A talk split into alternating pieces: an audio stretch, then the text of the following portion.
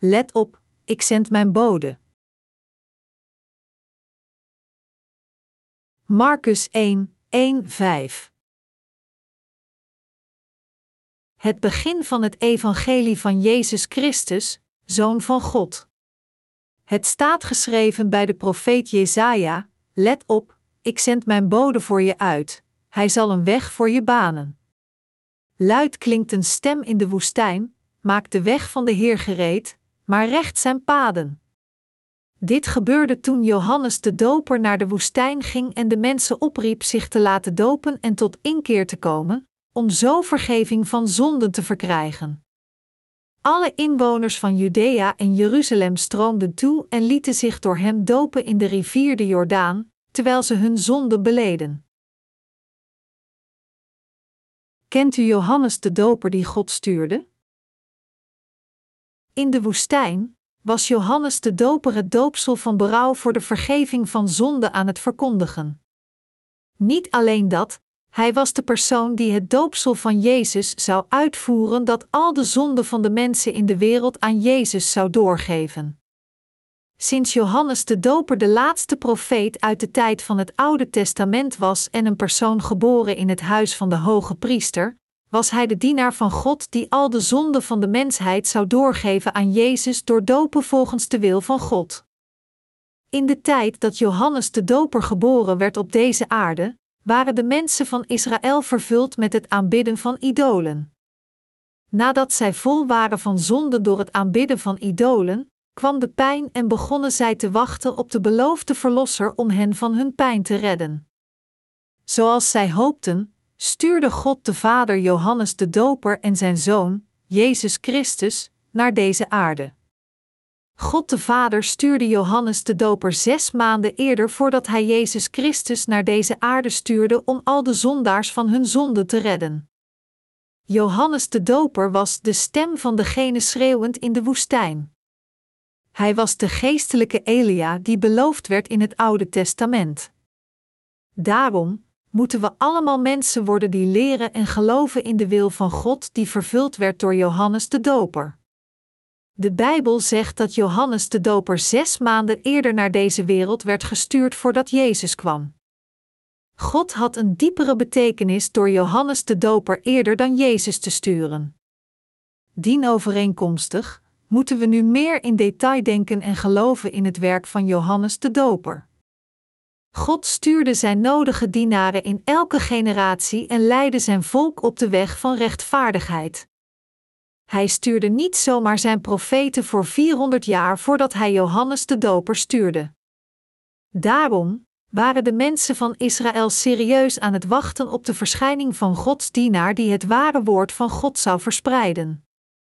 Zij hadden lange tijd geleefd niet in staat te luisteren naar het woord gepredikt door Gods dienaren. De mensen van Israël waren vermoeid door de afwezigheid van Gods dienaren die hen correct zouden leiden naar Gods wil en zijn woord. Zij waren op het punt gekomen waar zij absoluut nood hadden aan een oprechte dienaar gestuurd door God. Johannes de Doper was de persoon gestuurd door God op dat moment aan de mensen van Israël. Zes maanden nadat God de Vader Johannes de Doper stuurde, stuurde hij zijn zoon, Jezus, naar deze wereld. Toen werd Jezus Christus naar deze aarde gestuurd door de wil van God de Vader. Hij was de Zoon van God, onze God, en was de absolute en complete Verlosser van zondaars. Hij was nooit zo schepsel als ons. Jezus Christus was feitelijk God zelf, en hij was de enige geboren zoon van God de Vader die zichzelf verlaagde. Jezus Christus, die naar het volk van Israël kwam, was de volbrenger van zaligmaking en redde heel de mensen van de zonde van de wereld. Hij was de koning die een grote wil had het plan van God de Vader te vervullen en kwam naar deze aarde in de laagste vorm.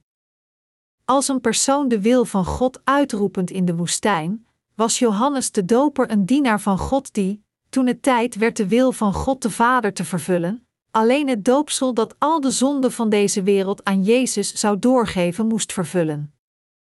Voordat hij dit rechtvaardige werk deed, moest hij leven door sprinkhanen te eten en wilde honing in de woestijn.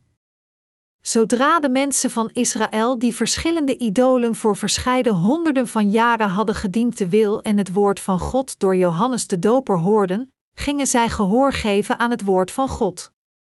Dus, velen van het volk van Israël werden wakker geschud door hun zonden en begonnen te verlangen naar de terugkeer van Jehovah. Dus, zij waren zich klaar aan het maken om Jezus te ontvangen die de zonde van de mensheid in een keer zou uitwissen. Er staat geschreven: Er is onder alle die uit een vrouw geboren zijn nooit iemand opgetreden die groter was dan Johannes de Doper, Matthäus 11 uur 11. Hij was de laatste profeet van het Oude Testament die heel de mensheid vertegenwoordigde. Hij was de persoon die capabel was die plichten van de laatste hoge priester op deze aarde te vervullen. Hij was de persoon die al de zonden van deze wereld zou doorgeven door het doopsel dat hij aan Jezus zou geven. Aan de andere kant, Jezus, die al de zonden van deze wereld voor eens en altijd ontving, was oorspronkelijk de Zoon van God en was het offerlam dat God voorbereidde die kwam om al de zonden van de mensheid voor eens en altijd over te nemen. Johannes 1 uur 29. Jezus werd de ware bemiddelaar tussen mens en God. Sinds Johannes de Doper degene was die hiervan getuigenis droeg, wees de Heer naar hem en zei: Hij is de Elia die komen zou. Matthäus 11 uur 14. Johannes de Doper, de dienaar van God, was de persoon die getuigde dat Jezus het Lam van God was die gekomen was om de zonde van de wereld onder zijn hoede te nemen. Johannes 1 uur 29. Johannes de Doper komt naar u in de voorzienigheid van Gods zaligmaking. Johannes de Dopers geboorte en zijn familieachtergrond worden goed uitgelegd in Lucas 1. Als we kijken naar de geboorte van Johannes de Doper door het geopenbaarde woord van God, komen we te weten dat Johannes de Doper geboren werd door het speciaal werk van de voorzienigheid van Gods zaligmaking. We weten als eerste dat de familie van Johannes de Doper geboren werd in de familie van de hoge priesters van het Oude Testament, 1 Kronieken 24, 1-19. Johannes de Dopers vader, Zacharias, was van de familie van hoge priester. Hij was een persoon die foutloos zijn plichten uitvoerde volgens alle geboden van God, regels en voorschriften. Maar zijn enige verlangen was dat hij een zoon zou krijgen omdat zijn vrouw, Elisabeth, niet zwanger kon raken. Dan op een dag ging Zacharias het heiligdom binnen om de plichten van een priester van zijn afdeling, volgens de gebruiken van het priesterschap te volbrengen. Hij moest in zijn eentje wierook voor het volk van God branden, omdat zijn deel viel op het wierookbranden toen hij de tempel van de Heer binnenging. Lucas 1, 9.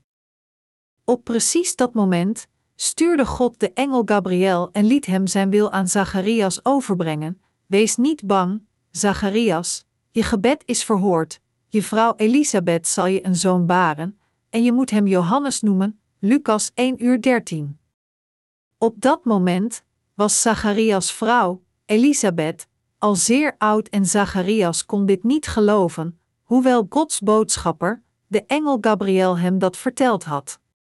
Daarom werd Zacharias stom en de andere priesters bemerkten dat hij een visioen had gezien in de tempel, want hij wenkte hen toe en bleef stom. Lucas 1, 20-22. Daarna verrezen Gods wonderbaarlijke werken in die familie. Elisabeth raakte zwanger volgens de voorspelling van de engel Gabriel. Nadat zij zwanger was geworden en het kind geboren was, wilde de familie het kind na zijn vader noemen, Zacharias, die een afstammeling van Aaron de hoge priester was. Zacharias, die op dat moment nog steeds stom was, vroeg om een schrijftablet en schreef dat het kind Johannes moest heten. Iedereen dacht dat hij gek was omdat zij in die tijd een nieuw geboren kind altijd de naam gaven van een familielid. Iedereen vond het vreemd dat hij zijn zoon Johannes noemde, maar Zacharias' tong kwam los en hij werd vervuld met de Heilige Geest en begon de God te eren, dit voorspelend: En jij, kind, zult genoemd worden, profeet van de Allerhoogste, want voor de Heer zul je uitgaan om de weg voor hem gereed te maken, en om zijn volk bekend te maken met hun redding door de vergeving van hun zonden. Dankzij de liefdevolle barmhartigheid van onze God zal het stralende licht uit de hemel voor ons opgaan en verschijnen aan alle die leven in duisternis en verkeren in de schaduw van de dood, zodat we onze voeten kunnen zetten op de weg van de vrede. Lucas 1, 76, 79. Zacharias mond opende zich en het geluid van eer werd hoog gedragen. Hij voorspelde Johannes leven en zei: Dit kind is van mij, maar hij is Gods dienaar die God stuurde. O, kind, dat God gaf. Jij ontvangt de bestemming van de profeet van hem te zijn die extreem hoog is. Jij zult voor de Heer gaan en zijn weg gereed maken, en alle mensen zullen leren over de ware zaligmaking door de vergeving van zonde aan de mensen van de Heer. Op deze manier kreeg Johannes de Doper de plicht om al de zonden van deze wereld aan Jezus door te geven en werd hij geboren in de familie van hoge priesters. Hij werd naar deze wereld gestuurd als Gods dienaar die onmisbaar was voor de hele mensheid. Ook, het boek van Maleachi uit het Oude Testament voorspelde Johannes de Doper uit het Nieuwe Testament als volgt: Voordat de dag van de Heer aanbreekt, die groot is en ontzagwekkend, stuur ik jullie de profeet Elia, Maleachi 3 uur 23. Voor de komst van de grote en ontzagwekkende dag dat deze wereld zal branden als een oven en zal verdwijnen, beloofde God dat hij naar deze aarde een van zijn dienaren zou sturen met de geest en kracht zoals die van Elia uit het Oude Testament. Hij was een dienaar van God die naar deze aarde zou komen in de eindtijd en het grote werk zou doen waarmee iedereen die God verlaten had zou terugkeren naar zijn boezem. In Matthäus 11, 12, 14 zegt Jezus: Sinds de dagen van Johannes de Doper wordt het koninkrijk van de hemel door geweld bedreigd en proberen sommigen er zelfs met geweld beslag op te leggen. Want de profetieën van alle profeten en van de wet reiken tot de dagen van Johannes. En voor wie het wil aannemen, hij is Elia die komen zou. Hij getuigde dat de dienaar van God zoals Elia voorspelt in het Oude Testament van de Bijbel Johannes de Doper is. Let op, ik zal mijn bode zenden, hij zal de weg voor mij effenen. Opeens zal hij naar zijn tempel komen, de Heer naar wie jullie uitzien, de engel van het verbond naar wie jullie verlangen. Komen zal hij, zegt de Heer van de hemelse machten. Wie zal die dag kunnen doorstaan?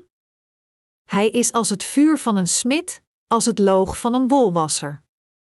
Hij zal zitting houden als iemand die zilver smelt en het zuivert, de zonen van Levi zal hij zuiveren en zeven als goud en zilver, en dan zullen ze op de juiste wijze offeren aan de Heer. Maleachi 3, 1, 3.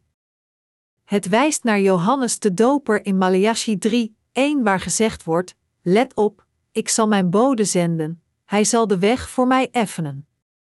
Het voorspelt ook de geboorte van Jezus Christus toen er werd gezegd: De Heer naar wie jullie uitzien, komen zal hij. We kunnen zien dat het verenigde ambt van Jezus Christus en Johannes de Doper, die de rechtvaardigheid van God vervulde, geopenbaard wordt in Matthäus 3, 13, 17. Daarom, is Johannes de Doper de laatste profeet van het Oude Testament en was in staat het werk van het doorgeven van de zonde van de wereld aan Jezus te doen als de dienaar van God die geestelijk in staat was de plichten van de hoge priester te vervullen. Het boek van Maleachi uit het Oude Testament voorspelde dat Johannes de Doper en Jezus naar deze aarde zouden komen voor het einde van de wereld. Johannes de Doper kwam naar deze wereld door de geest en kracht van Elia. In Malachi 3, 23-24 wordt gezegd: Voordat de dag van de Heer aanbreekt, die groot is en ontzagwekkend, stuur ik jullie de profeet Elia, en hij zal ervoor zorgen dat ouders zich verzoenen met hun kinderen en kinderen zich verzoenen met hun ouders. Anders zou ik het land volledig moeten vernietigen. En in Matthäus 11 uur 14 van het Nieuwe Testament getuigt Jezus, en voor wie het wil aannemen, hij, Johannes de Doper, is Elia die komen zou. Wat betekent het dan ik stuur jullie de profeet Elia voor de vernietiging van deze wereld?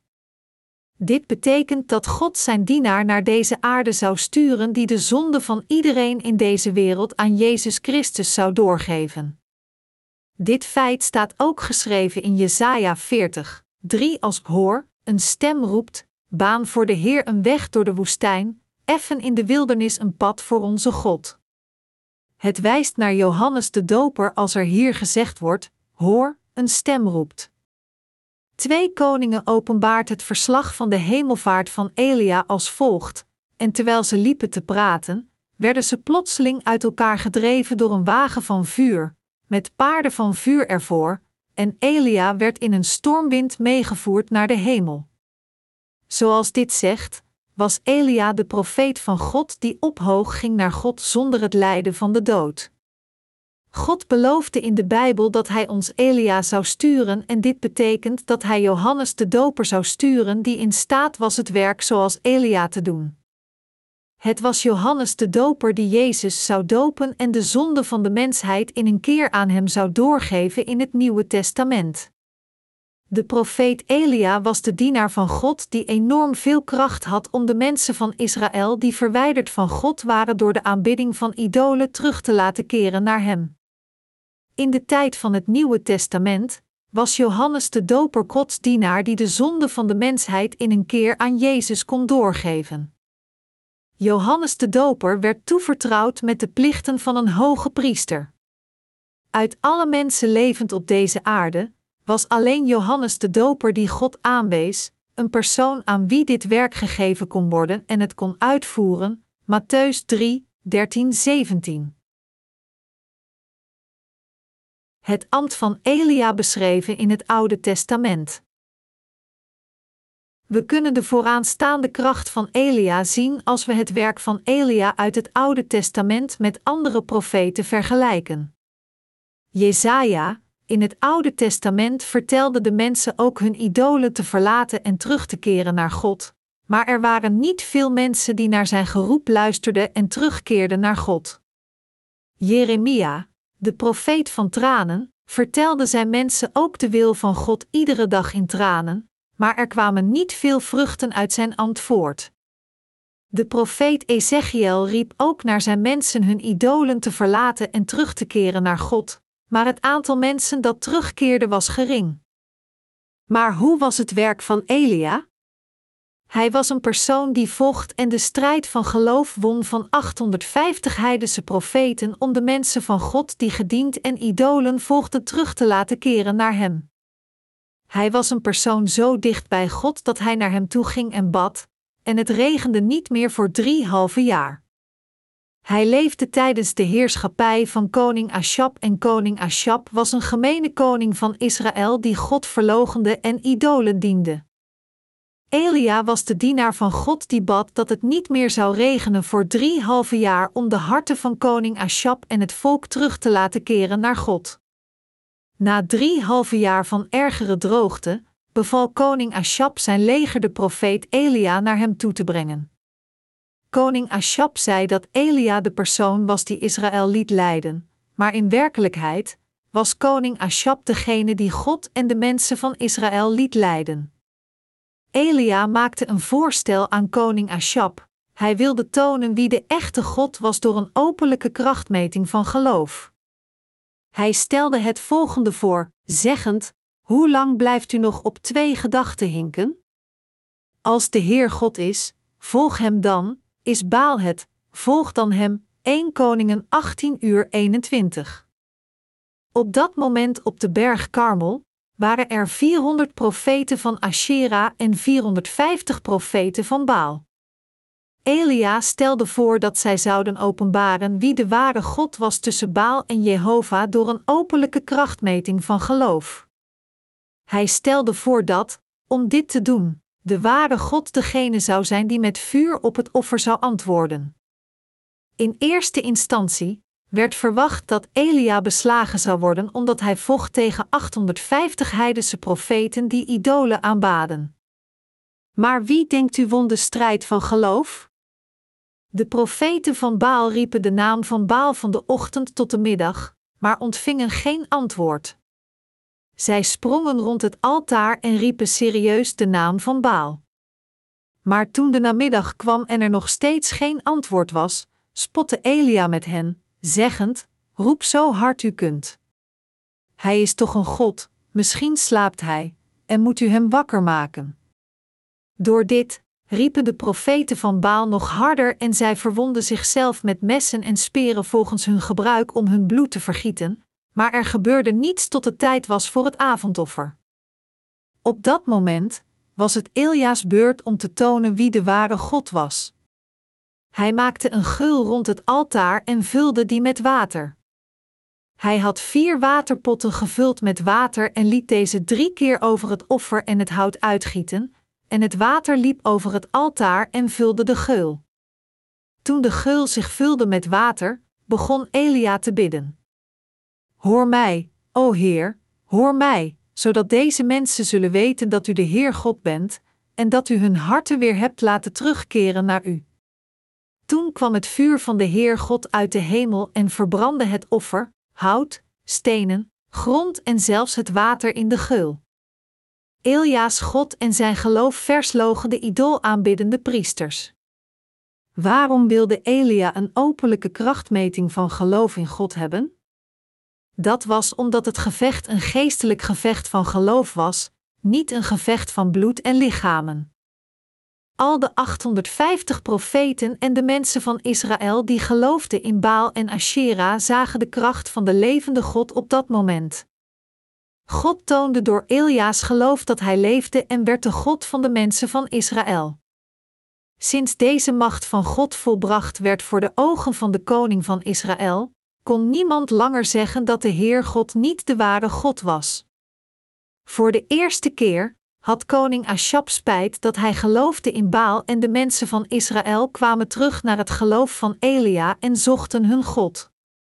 Door dit werd Elia een machtige dienaar van God genoemd die het volk van Israël terugbracht naar God. Johannes de Doper was een dienaar van God die dezelfde soort van macht had als Elia. Zoals de profeet Elia al de mensen van Israël liet terugkeren naar God in de tijd van het Oude Testament, zo kon Johannes de Doper het werk van het doorgeven van al de zonden van de wereld aan Jezus in een keer vervullen door Jezus te dopen in de tijd van het Nieuwe Testament. Hij getuigde over Jezus, zeggend: Daar is het Lam van God, dat de zonde van de wereld wegneemt. Johannes 1 uur 29. Door dit te doen, kunnen al de mensen van de wereld voor Jezus Christus komen, die kwam door het evangelie van het water en de geest, de reiniging van hun zonde ontvangen door geloof en de mensen van God te worden. God de Vader stuurde Johannes de Doper zes maanden eerder dan Jezus en liet hem het werk van het doorgeven van al de zonden van deze wereld aan hem voorbereiden. Al de zonden van deze wereld konden worden gereinigd door de rol van Johannes de Doper en het doopsel dat Jezus ontving. Jezus kon al uw zonden en mijn zonden in een keer ontvangen door het doopsel van Johannes de Doper te ontvangen, en als de prijs van de zonde van de wereld, hing hij aan het kruis, vergoot zijn bloed en ontving het oordeel voor al onze zonden. Nu zijn de mensen die geloven in de rol van Johannes de Doper en het werk van Jezus in staat de zaligmaking van al de zonden van de wereld in een keer te ontvangen. Elia, waarvan God zei dat hij hem zou sturen in Malachi uit het Oude Testament, is niemand anders dan Johannes de Doper, Matthäus 11 uur 14. Johannes de Doper moest capabel zijn om de plichten van de laatste hoge priester op deze aarde te doen.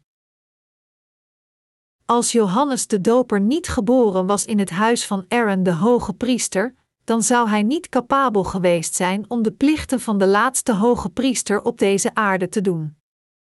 Om in staat te zijn dit te doen, moest hij absoluut geboren worden in het huis van Zacharias, een afstammeling van Aaron de hoge priester. Het was een vereiste in de tijd van het Oude Testament dat alleen de hoge priester zijn handen op de onbevlekte zondebok kon leggen en de zonden die de Israëlieten het laatste jaar gepleegd hadden kon doorgeven.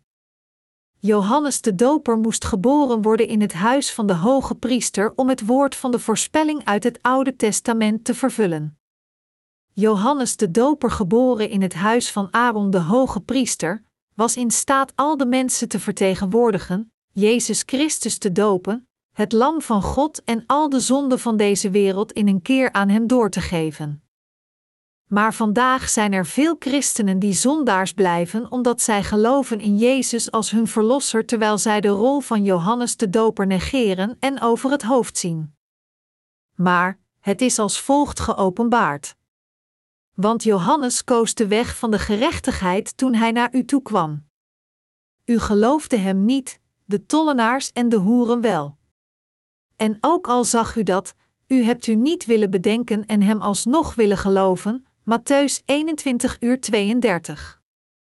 Johannes de Doper kwam naar deze wereld, maar de Fariseërs en hoge priesters en diegenen die geloven in Jezus schonken niet veel aandacht aan zijn werk. Nu in deze generatie zijn er veel mensen die geen acht slaan op hoe belangrijk het ambt van Johannes de Doper is die de zonde van deze wereld aan Jezus doorgaf. Religieuze gelovigen die niet geloven in dit belangrijke werk zullen nooit in staat zijn het geheim van Jezus, doopsel in het evangelie van het water en de geest te kennen. Een leven van geloof levend zonder te geloven in dit belangrijke werk is verwant aan Jezus' rechtvaardigheid te bespotten en zal zeker zijn woede oproepen. Vandaag, is het zeer jammer dat zelfs christenen die geloven dat Jezus de God van de ware zaligmaking is, niet de waarheid kennen als het evangelie van het water en de geest en hun leven van geloof leiden te midden van de valse waarheid. Dus, wie waren in Gods naam de mensen die wisten en geloofden in de waarheid van het evangelie van het water en de geest in de dagen van Jezus? Zij waren de beruchte zondaars zoals hoeren en tollenaars. Zelfs vandaag proberen mensen die geestelijk zoals hoeren en tollenaars zijn te weten en te geloven in Gods rechtvaardigheid. Welk soort van mensen zijn de geestelijke hoeren? Het zijn mensen die zonden plegen volgens de lust van hun vlees en hun levens verwoesten. Wie plegen zonden die de lust van het vlees volgen? De waarheid is dat ieder van ons ontuchtige en wellustige zonden plegen. Wij zijn ook als de hoeren, die eindeloos leven zonde plegend in hun harten volgens de verlangens van het vlees. Maar er zijn maar een paar mensen in deze generatie die in hun harten het feit toegeven dat zij net als hoeren zijn. Als zij toegeven dat zij een massa van zonden zijn voor God en geloven dat Jezus en Johannes de Doper naar ons toekwamen om de weg van Gods rechtvaardigheid te vervullen, zullen al hun zonden in een keer worden weggewassen. Zelfs ieder van u die nu christen is geworden, moet voor God geloof hebben in het evangelie van het water en de geest. Dat geloof is te geloven dat Johannes de Doper de zonde van de wereld in een keer aan Jezus doorgaf toen hij hem doopte. Het belangrijkste is dat geloven in het evangelie van het water en de geest ons van al de zonden van de wereld heeft gered. Daarom, moeten we het feit kennen dat al onze zonden in een keer worden schoongewassen als we geloven dat Jezus hen overnam door het doopsel van Johannes de Doper te ontvangen.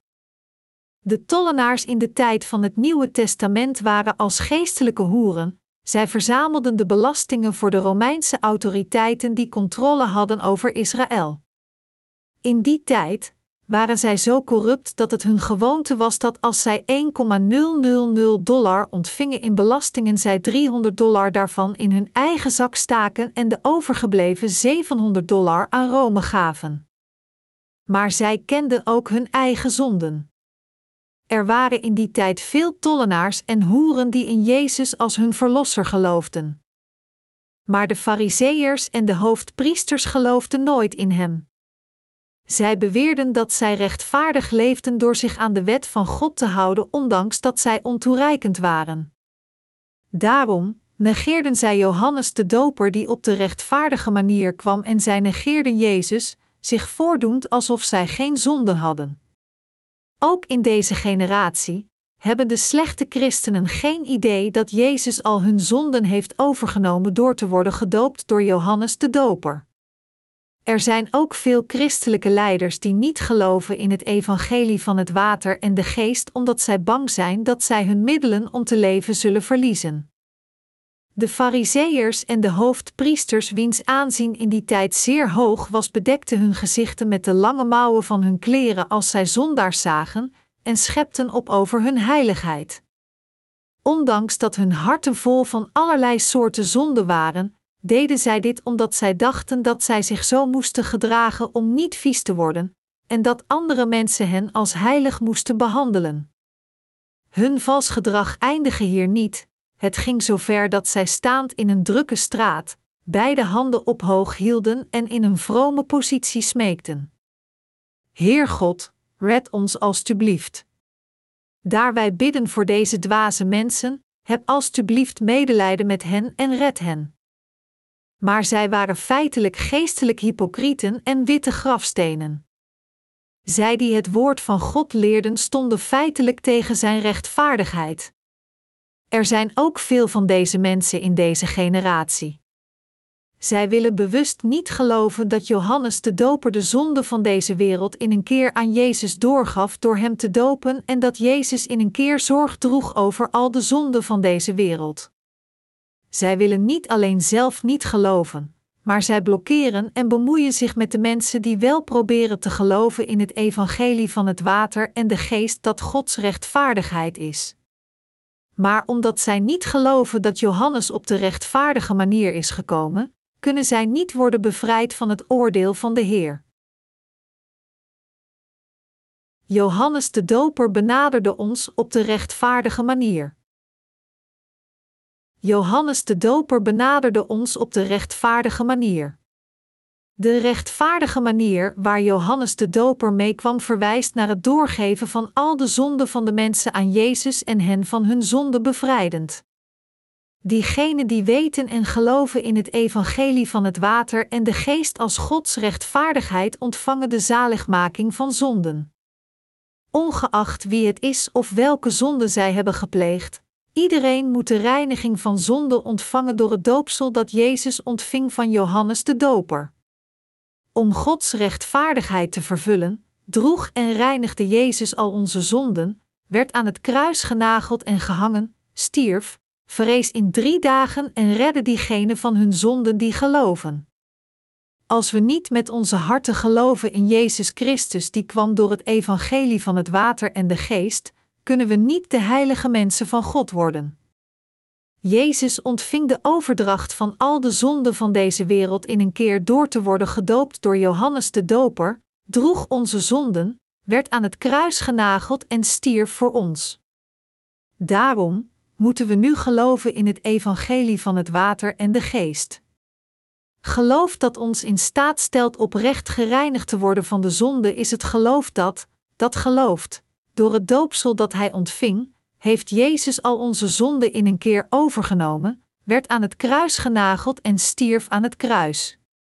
Een persoon die niet gelooft in het evangelie van het water en de geest kan nooit de hemel binnengaan. Er is geen andere weg voor ons om naar de hemel te gaan behalve die van het geloven in het evangelie van het water en de geest waarmee al onze zonden worden gereinigd. Maar de Fariseërs en de religieuze leiders uit die tijd vochten tegen de waarheid van zaligmaking omdat zij niet geloofden dat Jezus God was. Er zijn nu ook christenen rondom ons die nutteloos geloven in Jezus.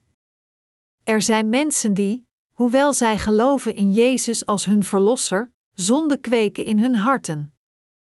Johannes de Doper verscheen voor ons, met de manier van Gods rechtvaardigheid. Jezus verscheen voor tollenaars en hoeren en vertelde hen dat er twaalf soorten van zonde in de harten van de mensen zitten. Hij leerde ons over het evangelie van het water en de geest dat onze harten reinigde. De Heer stelde alle mensen in staat de reiniging van zonde te ontvangen die geloven in het evangelie van het water en de geest dat de rechtvaardigheid van God is geworden. Johannes de Doper voerde de rol van de hoge priester uit die de zonde van deze wereld voor diegenen doorgaf die geloven in de rechtvaardigheid van de Heer. Zelfs nu komt Johannes de Doper voor u en mij met de weg van de waarheid dat Gods rechtvaardigheid bevat. Het evangelie van het water en de geest is Gods rechtvaardigheid waar Hij in geloofde en verspreidde. U moet met geloof geloven in Gods rechtvaardigheid dat Johannes de Doper met Jezus vervulde. In het Nieuwe Testament van de Bijbel wordt geopenbaard: er kwam iemand die door God was gezonden. Hij heette Johannes. Hij kwam als getuige, om van het licht te getuigen, opdat iedereen door hem zou geloven. Johannes 1, 6, 7. Johannes de Doper getuigde van Jezus' rechtvaardigheid, en alle mensen gaan geloven in Jezus als de Verlosser door het getuigenis van Johannes de Doper. Als Johannes de Doper niet de rol van het doorgeven van de zonde van de wereld aan Jezus had vervuld door het doopsel, hoe zouden we dan kunnen geloven in Jezus als onze Verlosser en de reiniging van al onze zonden door geloof ontvangen? Maar, we waren niet in staat met onze eigen ogen te zien hoe Jezus het doopsel van Johannes ontving of hangend en stervend aan het kruis, dus hoe kunnen we dit geloven? God gaf ons zijn woord, zijn woord is de Bijbel. U kunt nu duidelijk het feit weten dat al uw zonden in een keer aan Jezus werden doorgegeven door het doopsel dat Johannes de Doper aan hem gaf. We moeten weten dat al onze zonden werden doorgegeven aan Jezus door het doopsel dat hij ontving van Johannes. Dus waarom blijven diegenen die weten en geloven in Jezus als hun verlosser nog steeds zondaars? Hoe kunnen al de zonden van een persoon in een keer worden gereinigd als hij niet gelooft dat al onze zonden in een keer werden doorgegeven aan Jezus toen Johannes de Doper hem doopte? Als u niet weet dat uw zonden werden doorgegeven aan Jezus omdat u het evangelie van het water en de geest niet kent, hoe kunt u dan bevrijd worden van al uw zonden? Als u niet gelooft in Jezus als uw verlosser en zijn rechtvaardigheid kent, dan zal zijn liefde niets met u te maken willen hebben. Jezus, liefde en bloed kon leven worden voor u en mij, omdat Hij al onze zonden in een keer had overgenomen door te worden gedoopt door Johannes de Doper en te sterven aan het kruis. Als we weten en geloven in deze rechtvaardigheid van God, kunnen we de reiniging van al onze zonden in een keer ontvangen door dat geloof. Als het niet voor Jezus, liefde en het werk van Johannes de Doper was geweest, dan zou er geen manier voor de zonde van ons zijn geweest die geloven in Jezus als onze Verlosser om gereinigd te worden. Omdat mensen niet weten dat Jezus al hun zonde in een keer overnam door het doopsel van Johannes de Doper te ontvangen, blijven er nog steeds zonden in hun harten zelfs als zij in Jezus geloven als hun Verlosser. Omdat zij niet de betekenis van het doopsel dat Jezus ontving van Johannes de Doper kennen, blijven zij voor eeuwig zondaars, zelfs als zij willen geloven in Jezus als hun verlosser of zelfs als ze heel vurig geloven. Zij kunnen niet anders dan religieuze levens naar gewoonte leven, omdat de zonden nog steeds in hen aanwezig zijn. Zij leven dag na dag zonder hoop de hemel binnen te gaan, wachtend dat hun zonden worden vergeven. Jezus verkondigde: Hij is Elia die komen zou. We kunnen bevestigen door de vier evangeliën dat Johannes de Doper de zonde van de wereld doorgaf aan Jezus. Wie is Elia die komen zou waarover gesproken wordt in Matthäus 11 uur 14, en voor wie het wil aannemen? Hij is Elia die komen zou? Hij is Johannes de Doper. Dus moeten we de betekenis van deze woorden kennen. Sinds de dagen van Johannes de Doper wordt het koninkrijk van de hemel door geweld bedreigd en proberen sommigen er zelfs met geweld beslag op te leggen. Want de profetieën van alle profeten en van de wet reiken tot de dagen van Johannes. En voor wie het wil aannemen, hij is Elia die komen zou. Matthäus 11, 12, 15. Johannes de Doper werd voorspeld in het Oude Testament, en daarom, kunnen we weten dat hij een man was gestuurd door God. We zijn in staat te weten door de Bijbel dat Johannes de Doper Gods dienaar was gestuurd door hem. We gaan het werk van Jezus correct begrijpen en kunnen alleen naar de hemel gaan als we correct geloven in het ambt van Johannes de Doper. Het wordt geopenbaard in de Bijbel, Sinds de dagen van Johannes de Doper wordt het koninkrijk van de hemel door geweld bedreigd. Geweld verwijst naar het gebruik van lichamelijke kracht om iemand te verwonden of iets te beschadigen. Waarom zei God dan dat het koninkrijk van de hemel door geweld bedreigd werd sinds de dagen van Johannes de Doper? De rol van Johannes de Doper moet zeer belangrijk zijn geweest gezien het feit dat de Bijbel het zo duidelijk zegt. Het antwoord is simpel. De tijd van het begin van het Oude Testament tot de tijd voordat Jezus kwam was het tijdperk van de wet. De voorspellingen uit het tijdperk van de wet zeiden dat Jezus in de toekomst naar deze aarde zou komen, over al de zonden van de mensheid in een keer zorg zou dragen, hen zou reinigen en Jezus kon deze dingen in het Nieuwe Testament compleet vervullen door het doopsel dat Johannes de Doper hem gaf. Er staat dus geschreven dat iedereen die het koninkrijk van de hemel door geweld neemt door geloof in Gods rechtvaardigheid gekwalificeerd is de hemel binnen te gaan, hoewel zij oorspronkelijk geen kwalificaties hadden om de hemel binnen te gaan. Het tijdperk van de wet waar de Heer over sprak was tot de tijd van Johannes de Doper. Het tijdperk van het Nieuwe Testament begon vanaf de geboorte van Jezus en zijn doopsel. Sinds de wet ons de kennis van zonde geeft, kunnen we onze zonden herkennen en weten dat wij zondaars zijn door de God gegeven wet. We kwamen door geloof te weten dat Jezus het doopsel van Johannes de Doper ontving, in een keer de zonde overnam en aan het kruis hing en stierf. Daarom zijn we in staat zonder twijfel de poort van de hemel binnen te gaan door puur geloof in Gods rechtvaardigheid.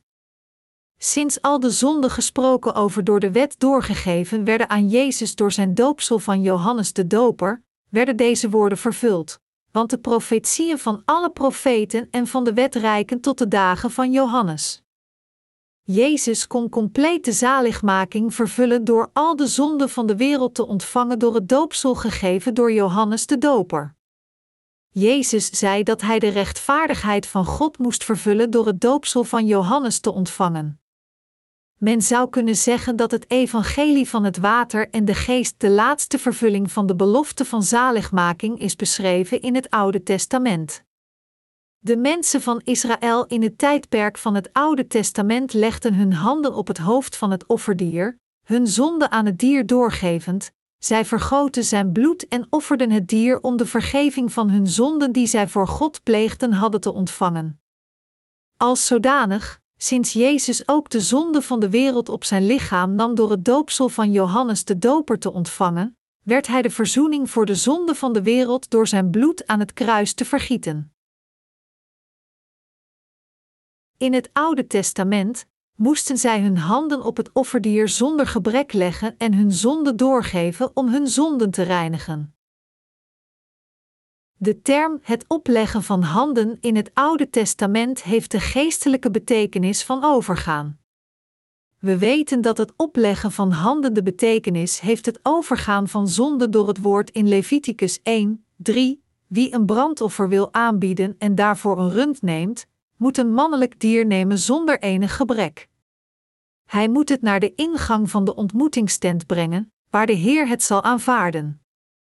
Dus, de mensen van Israël brachten een offerdier zonder gebrek voor God, legden hun handen op het hoofd en gaven hun zonde door om van hen gereinigd te worden. Dat is omdat het woord van God zegt dat door dit te doen het acceptabel zou maken. Het woord acceptabel betekent dat God het offer graag zou aannemen. Een offer acceptabel voor God was een offerdier dat het opleggen van handen op het hoofd had ontvangen. Het offer dat God graag ontving gaf de reiniging van zonde aan die persoon. In plaats van die zondaar te veroordelen, zag God dat zijn zonden waren doorgegeven aan het offerdier, accepteerde het offer en reinigde graag de zonde van die persoon. Heel de mensheid, die de afstammelingen zijn van Adam en Eva die de eerste zonde hadden gepleegd, zijn zondaars vanaf het moment dat zij geboren worden zij kunnen niet hun eigen zonden zelf oplossen. Dus gaf God de mensen van Israël in het tijdperk van het Oude Testament de offers van verzoening. Deze offers waren offerdieren die het opleggen van handen moesten ontvangen. Dus, God vertelde hen de handen te leggen op het hoofd van het dier om hun zonden te reinigen. Hij sprak hierover in Leviticus 1, 3, 4. Sinds God heilig is, Het loon van de zonde is de dood. Romeinen 6 uur 23. Maar als mensen sterven in zonde, gaan zij naar de hel, en omdat God dat niet wilde, gaf Hij het offersysteem voor de verzoening van zonde in de tijd van het Oude Testament dat zei dat de mensen hun handen op het hoofd van het offerdier moesten leggen. God accepteerde het bloed van het offerdier als het loon van de zonde van de mensen en bevrijdde hen van al hun zonden. Dat is wijze hoe het is. Vanaf het begin van de wereld, met het doel de mensen zijn kinderen te maken, gaf God het offersysteem van zaligmaking, dat bestond uit het opleggen van handen en het bloed vergieten. Daarom, het offersysteem van zaligmaking bepaald door God moest als eerste het opleggen van handen ontvangen om de zonde van de zondaar te ontvangen en het moest naderhand onvermijdelijk zijn bloed vergieten en sterven. Dat is de gerechtigheid van God en zijn liefde om de zondaars te redden. Het is omdat God voor de schepping van deze wereld wist dat wij mensen in een zondige toestand zouden vervallen door het plegen van overtredingen. Daarom bereidde Hij van tevoren het offerlam van God voor, dat al onze zonden kon reinigen en Hij wachtte op ons. Hij liet ons wedergeboren worden als Zijn kinderen door ons geloof in het doopsel van het water en de geest. God koesterde zijn indrukwekkende wil om ons met Hem voor eeuwig te laten leven. God overhandigt ons niet aan de vernietiging volgens het oordeel van de zonden, om ons te redden, vertelde Hij ons al onze zonden door te geven door het opleggen van handen op het offerlam van God dat werd voorbereid. Hoewel mensen altijd Gods geboden breken en zonde plegen, opende Hij de weg voor ons om de reiniging van onze zonden te ontvangen volgens Zijn verheven doel van schepping en zaligmaking naar ons toe. Hij vestigde het offersysteem dat ons in staat stelt al onze zonden aan het offerdier door te geven door het opleggen van onze handen en door geloof. God kan geen zonde doorgeven alsof Hij ze niet heeft gezien en omdat Hij ons niet gewoon kan laten sterven omdat Hij de God van de liefde is, redt Hij ons door het offerlam voor onze zonde en door het opleggen van onze handen op het lam, Zijn bloed te vergieten en de reiniging van onze zonden te ontvangen door geloof. God gaf ons de wet van zaligmaking dat de rechtvaardigheid en genade van God in een keer volbracht. Dit is het evangelie van het water en de geest. De Heer volbracht deze rechtvaardigheid en liefde door Gods gerechtigheid. Mensen gaven hun zonde door aan de offerdieren in het tijdperk van het Oude Testament en in het tijdperk van het Nieuwe Testament, ontving Jezus de overdracht van al onze zonden door zijn doopsel, redde ons en maakte diegenen die geloven in Hem tot de kinderen van God. God heeft de wet van het opleggen van handen gevestigd als de methode voor het doorgeven van de zonde van de mensen aan het offer, en het bloed van het offer moest absoluut vloeien omdat het de zonde van de mensen overnam na het opleggen van hun handen. De zonden van de mensen staan geschreven op de tabletten van hun geweten en in de boeken van werken. Er staat geschreven: de zonde van de Judeërs staat geschreven met een ijzeren stift, met een diamantenpunt staat ze gegrift in hun hart en op de hoorns van hun altaren. Jeremia 17, 1. Juda verwijst hier naar alle mensen. Met andere woorden, de zonden van de mensen staan genoteerd op deze twee plaatsen. De woorden gegrift in hun hart en op de hoorns van hun altaar betekent dat ieders zonde als eerste geschreven staan op de tabletten van hun harten en dan in de boeken van werken, dat is, de boeken van oordeel, Openbaring 20 uur 12. Het tablet van een persoonshart verwijst naar het geweten. Onze gewetens slaan onze zonden accuraat en in detail op met een ijzeren stift met een diamanten punt ongeacht hoeveel zonden we in totaal hebben gepleegd die anderen niet kunnen weten. We kunnen niet bevrijd worden van het zondaar zijn omdat onze zonden geschreven staan in onze gewetens. Dus, als mensen zonde plegen, dan denken zij continu aan hen, voelen zich daarover schuldig en maken zich zorgen over hen. Maar omdat er een verschil is in hoe schuldig mensen zich voelen, leven sommige mensen schaamteloos verder alsof zij niets verkeerd hebben gedaan, hoewel zij zonden hebben gepleegd. Maar als anderen nauwkeurig naar het geweten van deze mensen kijken, dan bevinden zich daar zeer veel zonden. Hun gewetens zijn enkel dik en hun wil is zeer sterk, dus negeren zij gewoon hun geweten. Maar de zonden staan niet alleen geschreven op het tablet van het hart. Zij staan ook geschreven in de boeken van oordeel die open liggen in de aanwezigheid van God. Net zoals er twee of meer getuigen in de wereld moeten zijn voor enig effect, schreef God de zonde van de mensen op de tabletten van hun harten en in de boeken van oordeel. God wist dat mensen voor Hem zouden komen en proberen hun zonden te verstoppen tot het eind en tegen Hem vechtend, zeggend: Ik heb geen zonde gepleegd. Dat heb ik nooit gedaan. U hebt mij niet gezien, niet waar? Waarom vertelt u mij dat ik zonden heb als u dat niet zo goed weet? Daarom schreef hij hun zonden op de tabletten van hun hart en, op hetzelfde moment, in de boeken van oordeel. De zonden geschreven met een ijzeren stift en met een diamantenpunt worden zeker uitgewist als iemand de vergeving van zijn zonde ontvangt door het evangelie van het water en de geest. Maar diegenen die niet geloven dat Jezus Christus hun verlosser is of dat Johannes de Doper op de rechtvaardige manier kwam, zullen ooit de verschrikkelijke woede van God voor hun zonde ervaren. Mensen die vervloekt zijn omdat zij niet de vergeving van hun zonde konden ontvangen, zullen absoluut naar de hel gaan als zij voor God komen, omdat hun zonden geschreven staan op de tabletten van hun harten. Zoals gezegd in de Bijbel, ieder van ons zal zich dus tegenover God moeten verantwoorden, Romeinen 14 uur 12. We zullen persoonlijk rekenschap afleggen aan God over al onze zonden zoals zij gegrift staan op de tabletten van onze harten als we voor Hem komen. U kunt zeggen: Ik ben meester Kim van de Republiek van Korea. Ik werd geboren op aarde en pleegde zonden vanaf mijn geboorte. Ik pleegde iedere dag zoveel zonden van S morgens vroeg tot S avonds laat dat het moeilijk voor mij is om over hen te spreken. Het was niet zo erg toen ik jong was, maar na mijn vijftiende pleegde ik op grote schaal zonden. Ik had zoveel plezier met het plegen van zonden, maar toen ik de twintig passeerde en 25 werd, begonnen de zonden zich geleidelijk op te stapelen op mijn geweten.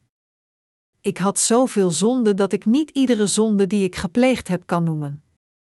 Vanaf het moment van mijn geboorte tot mijn dood, behalve als ik sliep, pleegde ik zonde als mijn ogen open waren en kwam daarom zo hier.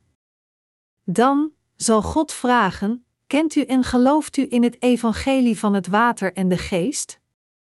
Zelfs als de persoon wil liegen en zegt dat hij dat doet, zal hij toch de waarheid vertellen, zeggend: Nee, ik had er zelfs geen enkele interesse in. Dan zal God hem iets anders vragen. Hoe loste u dan de zonden in uw hart op? Ik probeerde iedere methode om hen op te lossen, maar ze bleven onveranderd in mijn hart. Dan zal God zeggen: U zult naar de hel gaan. Ga ik naar de hel? Ja. Maar toch, God, alstublieft, maar toch wat? Iemand die zonden heeft gaat naar de hel. Gaf ik niet het evangelie van het water en de geest waarmee iemand de zaligmaking van zonde kan ontvangen? Dat deed ik, maar omdat u het niet ontving, kan ik nu niets meer voor u doen. Tot ziens, veel plezier in de hel. Als de zonden op het tablet van een persoons hart niet worden uitgewist terwijl hij leeft op deze aarde, kan hij niet naar de hemel gaan ongeacht wie hij is. Dat betekent dat hij naar de hel zal gaan als de zonden op het tablet van zijn hart niet uitgewist zijn, zelfs als hij geloofde in Jezus als zijn verlosser. Maar er zijn mensen die proberen hun geweten te misleiden zelfs als zij voor God komen. Zijn houden voor God vol dat zij geen zonden hebben. Als we kijken naar Openbaring 20 uur 12, dat zegt dat er twee soorten van boeken zijn als we voor God komen. Eentje is het boek van leven en de anderen zijn de boeken van oordeel. De boeken van oordeel zijn de boeken van werken. De zonden van de mensen worden één voor één genoteerd in de boeken van werken, en zij worden voor God opgestapeld als een berg. Maar omdat er alleen namen geschreven worden in het boek van leven, kunnen we zeggen dat het niet zo dik is. In dat boek staat geschreven wie wedergeboren werd door het water en de geest en die de vergeving van zonden hebben ontvangen en welk soort van beloningen God hen zal geven. God weet al deze dingen. God wees een engel aan iedere persoon toe en liet de engelen hen volgen en met hen meelopen om al hun acties in detail te noteren. Het staat geschreven in Matthäus dat iedereen een engel heeft. Dus, sinds God een rapport over ons ontvangt en dingen persoonlijk ziet, kunnen we Hem niet misleiden. Zelfs als we ons geweten willen misleiden door vol te houden: Ik heb geen zonde gepleegd, een dergelijk vergezocht argument zal niet werken voor de boeken van werken genoteerd voor God. God bepaalde het offersysteem ter wille van de mens en liet hen de vergeving van zonde ontvangen. God gaf het offersysteem waarmee de mensen de zaligmaking ontvingen om de zonden die geschreven staan op de tabletten van de harten van de mensen en in de boeken van werken uit te wissen. Nadat de mensen uit het Oude Testament hun zonde aan het offerdier hadden doorgegeven door het opleggen van hun handen op het hoofd, doden zij het dier en verbrandden het. De mensen van Israël fokten schapen en geiten om het te gebruiken als zondeoffers om de vergeving van hun zonde voor God te ontvangen. In ons land kweken mensen veel runderen, maar de meeste mensen doen dit als kwekerij, om geld te verdienen of gebruiken hen voor voedsel. Natuurlijk konden de schapen en de geiten ook gebruikt worden als voedsel door de mensen van Israël, maar zij werden gebruikt als offerdieren. Naderhand werd het vlees gescheiden dat gegeten kon worden. Als een persoon een keer een offer offerde, betekende dit dan dat hij dit niet meer hoefde te doen? Nee, dat is niet het geval. Sinds de Israëlieten iedere dag zonde plegen, moesten zij iedere dag offeren. Het is niet dat een persoon morgen geen zonde pleegt omdat hij vandaag een offer offerde. Het was niet zo dat een persoon de eeuwige vergeving van zonde ontving omdat hij eenmaal zijn handen op het schaap had gelegd, zijn keel doorsneed, zijn bloed nam en het op het brandofferaltaar plaatste om te worden geofferd als zondeoffering. Hij kon denken: al de zonden die ik vandaag pleegde zijn overgegaan naar het schaap. Al hij terugkeert naar huis, komt hij een haatdragende kerel tegen van wie hij het geleende geld nog niet terug had ontvangen, en hij beledigt hem, slaat hem en het komt tot een gevecht met hem. Dus staan er weer opnieuw zonden geschreven op het tablet van zijn hart. Hij komt net terug van een offering, maar als zonden onmiddellijk geschreven staan op het tablet van zijn hart, kan hij het niet helpen dan boos op zichzelf te zijn en bedroefd. Het is nog niet zo lang geleden dat ik een schaap voor 100 dollar kocht en mijn handen erop legde, mijn zonde aan hem doorgaf, zijn bloed nam en een oprecht offer offerde door het te doden. Ik ontving de vergeving van mijn zonde op die manier met moeite, maar ik heb opnieuw zonde gepleegd door die kerel. Nu heb ik geen keus dan een nieuw schaap uit de achtertuin te kopen. Dus neemt hij een schaap en gaat opnieuw naar de tabernakel en vraagt aan een van de priesters een offer voor hem te offeren. In de tijd van het Oude Testament waren de priesters altijd bij de ingang van de tabernakel. Zij hadden geen tijd om te rusten. Dit was wat de priester in de tijd van het Oude Testament deden. Was u een tijdje geleden niet ook al hier? Ja, dat klopt. Maar ik pleegde weer een zonde. Ik offerde een offer, was op weg naar huis met een licht hart, maar onderweg kwam ik een man tegen die geld van mij geleend had en nooit terugbetaald heeft. Ik probeerde mezelf onder controle te houden, maar die kerel bleef me treiteren. Dus, zelfs onwetend over mezelf, mijn eerste fout. Natuurlijk gooide hij zich op me, het was gekkenwerk. Bliksemschichten om ons heen. Enfin, ik ontving de vergeving van zonden en pleegde op weg naar huis een nieuwe zonde, dus breng ik opnieuw een offerdier. Natuurlijk is dit schaap ook zonder gebreken. Hé, hey, hou jezelf alstublieft onder controle en leef deugdzaam. Dit is ook zwaar voor mij. Ik denk dat ik doodga. Het is voldoende dat je dit schaap brengt, leg je handen erop en geef het aan mij, maar blijft de rest van het werk hierna niet voor mij? Ik, als de priester van dienst, moet de keel doorsnijden, het bloed op de hoorns van het brandofferaltaar besprenkelen, het leer afstropen en het vlees in stukken scheiden en het in het vuur verbranden. Verdomme, het is zo zwaar dat ik denk dat ik zal sterven. Het was zeer zwaar voor mij om dat ene dier dat je bracht te behandelen en nu kom je terug met een ander dier. Door mensen zoals jij is er geen dag dat de rook van de tabernakel niet zal roken. Het spijt me heel erg, priester. Ik zal voorzichtiger zijn in de toekomst. Als hij terugkeert naar huis met een licht hart en de belofte niet meer te zondigen, pleegt hij onvermijdelijk weer opnieuw zonden. Zijn wij niet de mensen die dezelfde zonde twee, drie of zelfs tien keer plegen op een dag?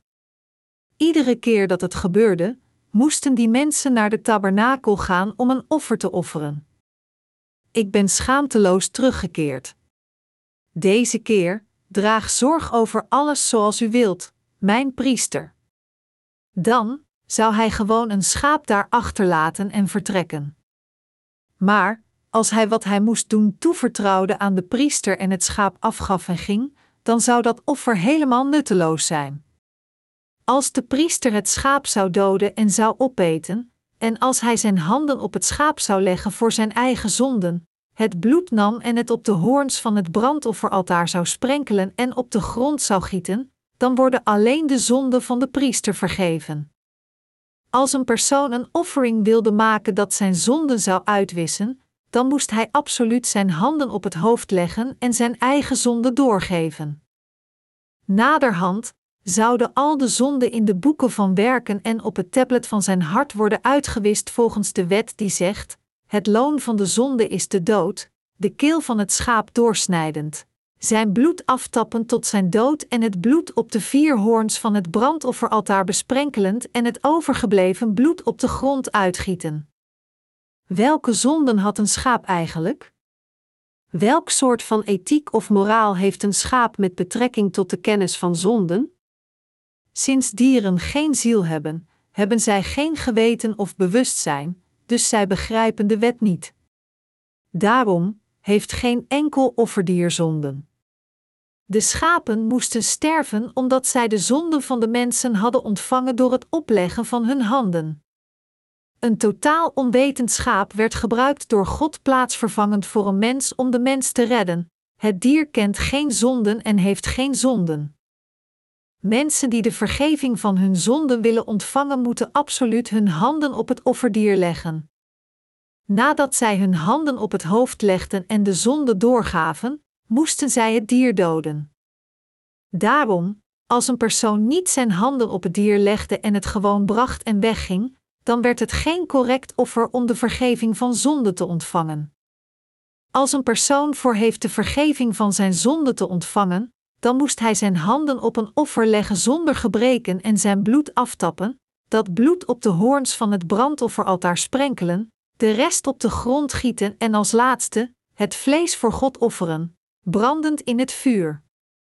De zondaar moest zijn handen op het hoofd van het dier leggen en het zelf doden, maar de priester moest de rest doen. Sinds mensen geneigd waren verschillende tientallen zonden per dag te plegen, waren zij niet in staat iedere keer dat zij een zonde pleegden een offer te offeren. Daar een persoon gisteren drie schapen gebracht kon hebben en geofferd had en de volgende dag weer naar de tabernakel moest gaan, dan moet hij zeker 365 dieren slachten in één jaar als hij gemiddeld iedere dag een heel jaar lang naar de tabernakel ging. Als dit zo was, het zou niet in iemands macht zijn zoveel schapen te kweken. Maar een dergelijk persoon zou het verlangen krijgen om te stoppen met het offeren van offers, omdat hij tot vervelens toe iedere dag moest offeren en morgen weer opnieuw zou zondigen. Daarom, hij zou het opgevend zeggend: Ik zal morgen weer opnieuw zondigen, ondanks dat ik vandaag een offer offerde, omdat hij in zijn teleurstelling zou kunnen denken: Ik ben niets waard. Ik kan het niet doen. Ik ben niets waard. Sinds God onze zwakheden goed kende, gaf Hij een manier dat de zonde gepleegd door al de Israëlieten over een jaar uitwiste. Om voor de mensen van Israël de vergeving van zonde voor een heel jaar te ontvangen, werden twee geiten klaargemaakt. De hoge priester, in plaats van al de zondaars, legde zijn handen op het hoofd van de eerste geit voor God als de vertegenwoordiger van het volk van Israël. En hij tapte het bloed af door zijn keel door te snijden. Dan sprenkelde hij het bloed zeven keer aan de oostkant van de verzoeningsplaat. Heer, God, kijk naar dit bloed. Vleugels van engelen bedekten het deksel dat de ark van het verbond afdekte, en de hoge priester sprenkelde het bloed zeven keer boven en voor de ark, Leviticus 16, 15, 16. Twee offergeiten waren nodig voor de offering van de grote verzoendag. Eentje werd gebruikt als de offering in God's tabernakel. Toen de hoge priester zijn handen op het hoofd legde, zijn keel doorsneed en het doodde, kwam er bloed uit. Hij nam het bloed en ging de meest heilige plaats binnen om het te heiligen samen met al zijn instrumenten. Naderhand legde de hoge priester zijn handen op het hoofd van de achtergebleven geit, de zondebok, voor het volk en een persoon die eerder was gekozen nam het dier mee de wildernis in. Dus, de zondebok droeg al de jaarlijkse zonde van het volk van Israël in de woestijn dat zonder water en gras was, mekkerend, ronddwalend en stervend van de dorst. Twee offerdieren waren nodig omdat het offeren twee keer gedaan moest worden. Dat was de offering op de grote verzoendag. Maar dit was ook geen perfecte offering. Omdat zij ieder jaar een dergelijk offer moesten offeren, was het een offer dat hen aan hun zonden herinnerde. Hebreeën 10, 3, 4. God wilde liever een eeuwig, onveranderd offer van zaligmaking vestigen, dan de onperfecte offering die ieder jaar herhaaldelijk geofferd moesten worden. Dus beloofde hij zichzelf te offeren als het eeuwige offer, waardoor niet langer offers voor de zonde gebracht moesten worden.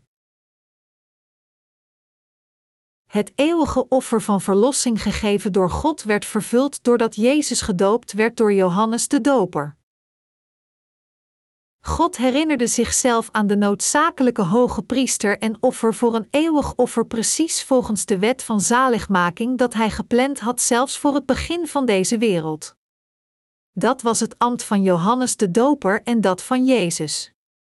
Het doopsel dat Johannes de Doper aan Jezus gaf in de rivier de Jordaan was hetzelfde als het opleggen van handen uit het Oude Testament. Met andere woorden, Jezus, als het offerlam zonder gebreken, kwam naar deze aarde en ontving het doopsel van Johannes de Doper, de vertegenwoordiger van de mensheid. Op die manier ontving hij de zonden van de hele wereld. Jezus, die de overdracht van de zonde ontving, hing aan het kruis en ontving heel het oordeel voor al deze zonden. Gods gerechtigheid en zijn oordeel werden vervuld op deze aarde doordat Jezus dit offer offerde. Sinds de dagen van Johannes de Doper wordt het koninkrijk van de hemel door geweld bedreigd en proberen sommigen er zelfs met geweld beslag op te leggen. Want de profetieën van alle profeten en van de wet reiken tot de dagen van Johannes. En voor wie het wil aannemen, hij is Elia die komen zou. Matthäus 11, 12, 14. Johannes de Doper was niet gewoon de vertegenwoordiger van het volk van Israël, hij was de vertegenwoordiger van heel de mensheid. Hij werd de grootste ooit geboren uit een vrouw van alle mensen genoemd. Als we kijken naar Matthäus 11 uur 11, wees Jezus naar Johannes de Doper en zei: Ik verzeker jullie, er is onder alle die uit een vrouw geboren zijn nooit iemand opgetreden die groter was dan Johannes de Doper. En hij zei dat het koninkrijk van de hemel door geweld gedreigd wordt sinds de dagen van Johannes de Doper. Het Oude Testament was tot Johannes de Doper omdat hij de laatste hoge priester uit het Oude Testament was. Het tijdperk van het Nieuwe Testament begint met de geboorte van Jezus Christus. Het Nieuwe Testament begon toen Johannes de Doper op de grenslijn tussen de tijdperken van het Oude en Nieuwe Testament stond en de zonde aan Jezus doorgaf door hem te dopen. Sinds Johannes de Doper Jezus doopte en al de zonde aan hem doorgaf, werd er gezegd dat het koninkrijk van de hemel door geweld wordt bedreigd sinds de dagen van Johannes de Doper. Sinds hij Jezus doopte en de zonde van de wereld aan hem doorgaf, kon hij getuigen: daar is het Lam van God, dat de zonde van de wereld wegneemt. En het koninkrijk van de hemel werd door geweld bedreigd sinds de dagen door Johannes de Doper en de dagen van het Nieuwe Testament begon. Als we kijken naar Matthäus 3, 13, 15, dat zegt: Toen kwam Jezus vanuit Galilea naar de Jordaan om door Johannes gedoopt te worden. Maar Johannes probeerde hem tegen te houden met de woorden: Ik zou door u gedoopt moeten worden, en dan komt u naar mij? Jezus antwoordde: Laat het nu maar gebeuren, want het is goed dat we op deze manier Gods gerechtigheid vervullen. Toen stemde Johannes ermee in. Laat ons voor een seconde nadenken. Jezus werd gedoopt door Johannes de Doper. Waar werd hij gedoopt? Hij werd gedoopt in de rivier de Jordaan. Waarom werd hij gedoopt? Hij werd gedoopt om heel de rechtvaardigheid te vervullen. Zoals de woorden die zeggen: Want Johannes kwam naar u op de rechtvaardige manier, hij doopte Jezus en Jezus werd door hem gedoopt. Jezus werd gedoopt om heel de rechtvaardigheid te vervullen. Dat Jezus gedoopt werd in de rivier de Jordaan betekent dat het was om voor hem heel de rechtvaardigheid te vervullen. De mensen uit het tijdperk van het Oude Testament gingen het land van Canaan binnen door de rivier de Jordaan over te steken. Het land van Canaan betekent het beloofde land, dat is de hemel. Dus, de rivier de Jordaan betekent ook de rivier van de dood. Dus het betekent dat zij de rivier de Jordaan overstaken om God te ontmoeten die in het beloofde land van Canaan was, de hemel. Dus werd Jezus door Johannes in de rivier de Jordaan gedoopt om al de zonden van de dood te laten verdwijnen. Sinds de dagen van Johannes de Doper wordt het koninkrijk van de hemel tot nu door geweld bedreigd. Johannes de Doper begon zijn ambt toen Jezus met zijn publieke ambt ging beginnen. Het eerste dat Jezus deed in zijn publieke leven van de uitschakeling van de zonde van de mensheid was gedoopt te worden door Johannes. Jezus gedoopt door Johannes was de ontvangst van de overdracht van al de zonden van de mensheid samen met u en mijn zonden. Jezus ontving al de zonden van de wereld in één keer door te worden gedoopt in de vorm van het opleggen van handen volgens het offersysteem uit het Oude Testament. Wie doopte hem? Johannes de Doper, de vertegenwoordiger van de mensheid en de grootste ooit geboren uit een vrouw, doopte hem. Johannes de Doper was de grootste ooit geboren uit een vrouw. Toen Johannes de Doper dertig jaar op deze aarde was, was Jezus ook dertig. Sinds Jezus zes maanden later geboren werd na Johannes de Doper, was hij lichamelijk achterop hem. Maar Jezus en Johannes de Doper ontmoeten elkaar duidelijk als het Lam van God en de vertegenwoordiger van de mensheid. Jezus beëindigde zijn privéleven en begon zijn publieke leven toen hij dertig jaar werd. Hij begon zijn werk door heel de mensheid van hun zonde te redden door te worden gedoopt. Wie zocht Jezus om te worden gedoopt? Jezus slenterde naar Johannes de Doper, die in de rivier de Jordaan uitriep: Heb berouw, u addergebroed. Keer terug, word gereinigd door dit water en geloof in de Verlosser die komen zal. Ten laatste boog Jezus zijn hoofd voor Johannes de Doper. Doop me, want het is goed dat we op deze manier heel de rechtvaardigheid vervullen. Jij bent de vertegenwoordiger van heel de mensheid, dus is het correct al de zonden van de mensen aan mij door te geven door het doopsel. Ik zal al de zonden van de mensen reinigen als je ze doorgeeft aan mij.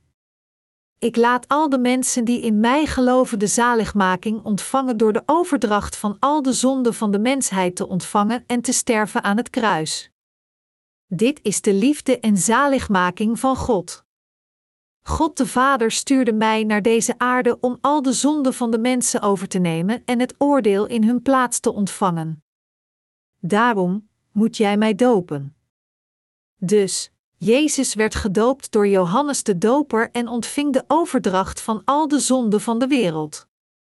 Het woord doop betekent te worden gereinigd.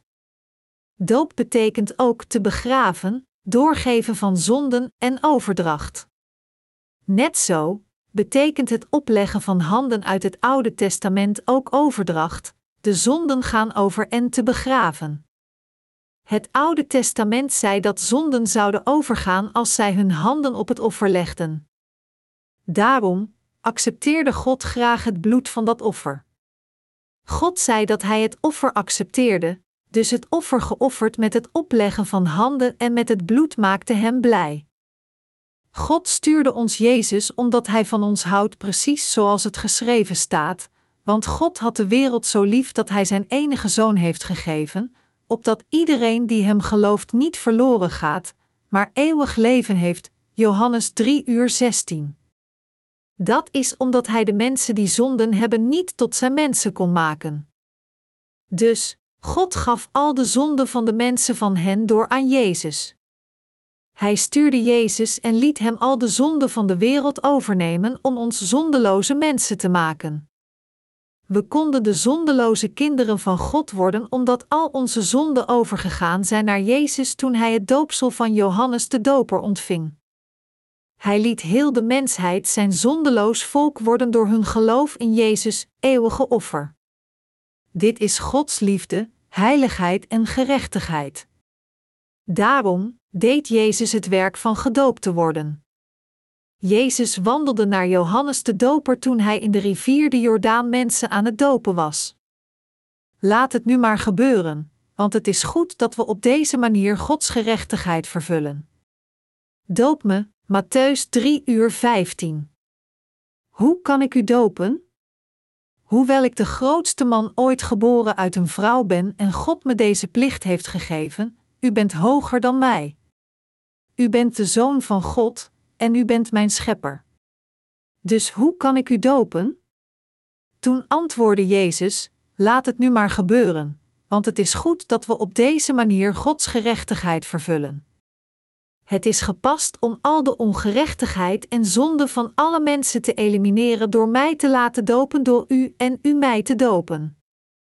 Zeggend, want het is goed dat we op deze manier Gods gerechtigheid vervullen, betekent dat Jezus al de zonden van de mensheid op zijn lichaam zou ontvangen door te worden gedoopt door Johannes de Doper. Johannes de Doper was de vertegenwoordiger van de mensheid en de persoon die de plichten van de hoge priester voor alle mensen vervulde. Als de laatste hoge priester van het Oude Testament doopte hij Jezus om al de zonden van de wereld aan hem door te geven. Johannes de Doper was de enige persoon die gekwalificeerd was Jezus te dopen, het Lam van God en de Zoon van God. Jezus werd gedoopt door de hoge priester van deze aarde omdat hij het Lam van God was die kwam om al de zonden van de wereld te elimineren. Beschouwend door het Oude Testament was Jezus het Lam van God die de offering van verzoening was en Johannes de Doper was de hoge priester. Dus zei Jezus: U bent de persoon die al de zonden van de mensen aan mij zal doorgeven. Geef het doopsel aan mij. Johannes de Doper weigerde Jezus toen hij dat zei, maar Jezus beval: Doe het. Want het is goed dat we op deze manier Gods gerechtigheid vervullen. Ik beveel u doop mij, geef de zonden van de mensheid aan mij, door mij te dopen met het doopsel van het opleggen van handen. Door het doopsel van het opleggen van handen door u te ontvangen, zal ik de overdracht van al de zonden van de mensheid ontvangen en al deze zonden compleet uitwissen. Het rechtvaardigste werk is om al de zonden in mijn lichaam te planten door gedoopt te worden door u. Ik moet de veroordeling in plaats van de mensheid ontvangen vanwege deze ingeplante zonden. Dit is Gods liefde en zaligmaking. Jezus berispte Johannes de Doper hem te gehoorzamen. Dienovereenkomstig doopte Johannes de Doper hem. Jezus zei: Laat het nu maar gebeuren, want het is goed dat we op deze manier Gods gerechtigheid vervullen. Matthäus 3 uur 15. Hier, gerechtigheid in het Grieks is passandikaiosunen, wat betekent de eerlijkste toestand dat geen gebrek heeft. Om al uw zonden te reinigen, moeten we geloven in de rechtvaardige handelingen uitgevoerd door Jezus. We zijn net fabrieken die vanaf onze geboorte zonde produceren.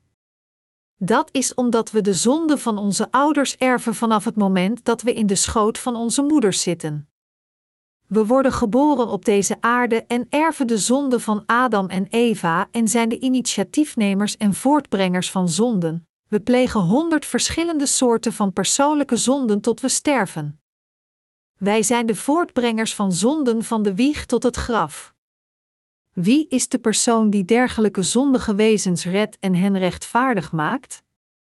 Het is Jezus, de Zoon van God, die gedoopt werd door Johannes de Doper, zijn bloed vergoot en stierf. Onze Heer zei dat het de enige en meest geschikte en oprechtste manier van zaligmaking was voor Hem om te worden gedoopt om al de zonden van de mensheid voor eens en altijd te elimineren. Johannes gaf al de zonden van de mensen aan Jezus door, en Jezus ontving op zijn lichaam al de zonden van de mensheid door zijn doopsel. Hij zei dat dit de meest gepaste manier was. We moeten geloven wat hij zei. Samen met dit moeten we geloven in de rechtvaardige handelingen die hij uitvoerde. Dus, er wordt gezegd dat Johannes op de rechtvaardige manier. Johannes verspreidde de correcte waarheid. We zijn dwaze mensen die zonde plegen tot de dag dat we doodgaan. Echter, al onze zonden gingen over naar Jezus doordat Johannes de Doper Jezus in de rivier de Jordaan doopte, de rivier van de dood. Door de methode van het opleggen van handen vervulde Jezus heel de rechtvaardigheid van God door te worden gedoopt. Voordat u en ik zelfs geboren werden op deze aarde, kwam onze Heer naar deze aarde en volbracht onze zaligmaking. Zolang als deze wereld bestaat, zullen mensen in het evenbeeld van God geboren worden en sterven, geboren worden en weer sterven. Alle mensen plegen zonden terwijl zij leven, en uiteindelijk sterven zij. Dit zal plaatsvinden tot het eind van deze wereld. Jezus kwam naar deze wereld in 1 en CHR. Om al deze zondige mensen van hun zonden te redden. Hij werd door Johannes gedoopt om u en mij van onze zonden te redden. Jezus werd gedoopt en vervulde heel de rechtvaardigheid om ieder van ons van onze zonden te redden. Hij vervulde heel de rechtvaardigheid, dat is, de vergeving van zonden, door zijn doopsel. Onze Heer Jezus Christus droeg zorg voor u en mijn zonden door het doopsel. Toen Jezus werd gedoopt, werd de stem van God, die blij was, gehoord uit de hemel die zei: Dit is mijn geliefde zoon, in hem vind ik vreugde. God zei: Hij is mijn geliefde zoon. Mijn zoon zal u zondeloos maken door al de zonden van de mensheid over te nemen door dit doopsel. We waren oorspronkelijk mensen die naar de hel zouden gaan vanwege onze zonden, maar sinds we mensen zijn geworden die de hemel bezitten door geloof, zijn we geestelijk gewelddadig geworden die sterk geloven in de werken die Jezus en Johannes de Doper deden. Aangezien Jezus voor niets gaf, hoop ik dat u voor niets ontvangt. Op een dag kwam ik in het bezit van een duur kinderhorloge. Ik wilde het als een geschenk aan een kind geven, en zoals dingen kunnen lopen, kwam ik drie kinderen tegen. Hé, hey, kinderen, een seconde. Ja, meneer? Ik heb een horloge en ik zou die graag aan een van jullie willen geven. Wie wilt hem? Ik dacht dat zij ervoor zouden smeken, maar vreemd genoeg aarzelenden ze alle drie. Toen sprak het eerste kind: U gaat hem niet echt geven. Lieg niet, en ik hoe hem toch niet. Toen mompelde hij tegen zichzelf: Niets is voor niets. Die kerel is een leugenaar. Dus stak ik het horloge naar het tweede kind uit. Hij aarzelde, maar accepteerde hem. Het leek alsof hij aan het nadenken was, en toen sprak hij alsof hij twijfelde. U gaat hem weer terugnemen, niet waar? Of gaat u iedereen vertellen dat ik hem gestolen heb? Ik kan het niet.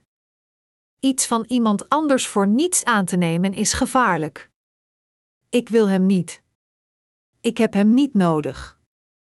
Ik zag deze kinderen die vrijwillig geen geschenk konden accepteren, zelfs toen ik hen dit horloge wilde geven, en nam hem terug met een bitter hart, me afvragend of ik het de wereld kwalijk moest nemen die hen zo gemaakt had.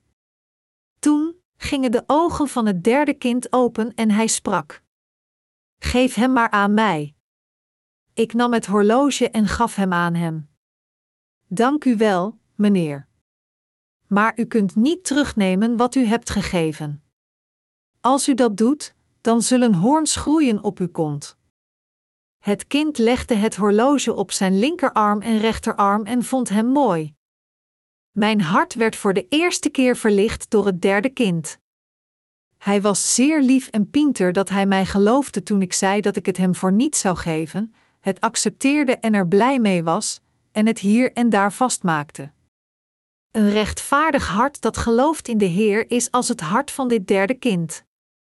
De hemel is te geloven wat de Heer voor ons deed, en het dankbaar te accepteren. We kunnen de hemel binnengaan door dat soort van geloof.